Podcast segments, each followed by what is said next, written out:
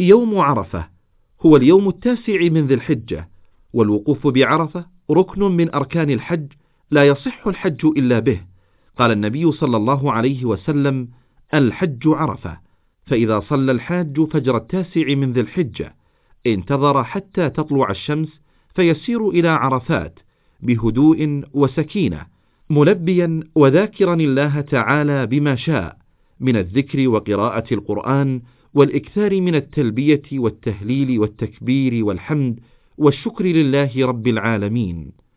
ويوم عرفة خير يوم طلعت عليه الشمس فيه تتوافد جموع الحجيج إلى صعيد عرفات حيث يقف المسلمون في هذا اليوم العظيم في عرفات من زوال الشمس إلى ما بعد غروبها.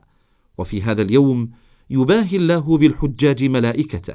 قال النبي صلى الله عليه وسلم ما من يوم أكثر من أن يعتق الله فيه عبدا من النار من يوم عرفة وإنه ليدنو عز وجل ثم يباهي بكم الملائكة فيقول سبحانه وتعالى ما أراد هؤلاء؟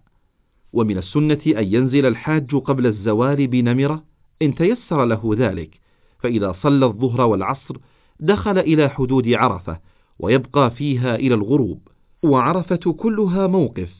وليحرص الحاج في هذا اليوم العظيم على استغلال وقته بالتلبية والذكر والإكثار من الاستغفار والتهليل والشكر والحمد لله سبحانه وتعالى ويتجه إلى الله عز وجل خاشعا متضرعا مجتهدا بالدعاء لنفسه وأهله وأولاده وإخوانه المسلمين.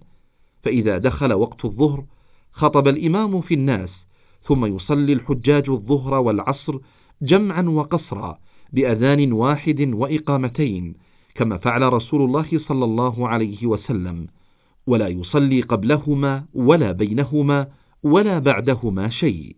لإعادة سماع الرسالة اختر زر النجمة. للعودة إلى القائمة السابقة اختر زر المربع.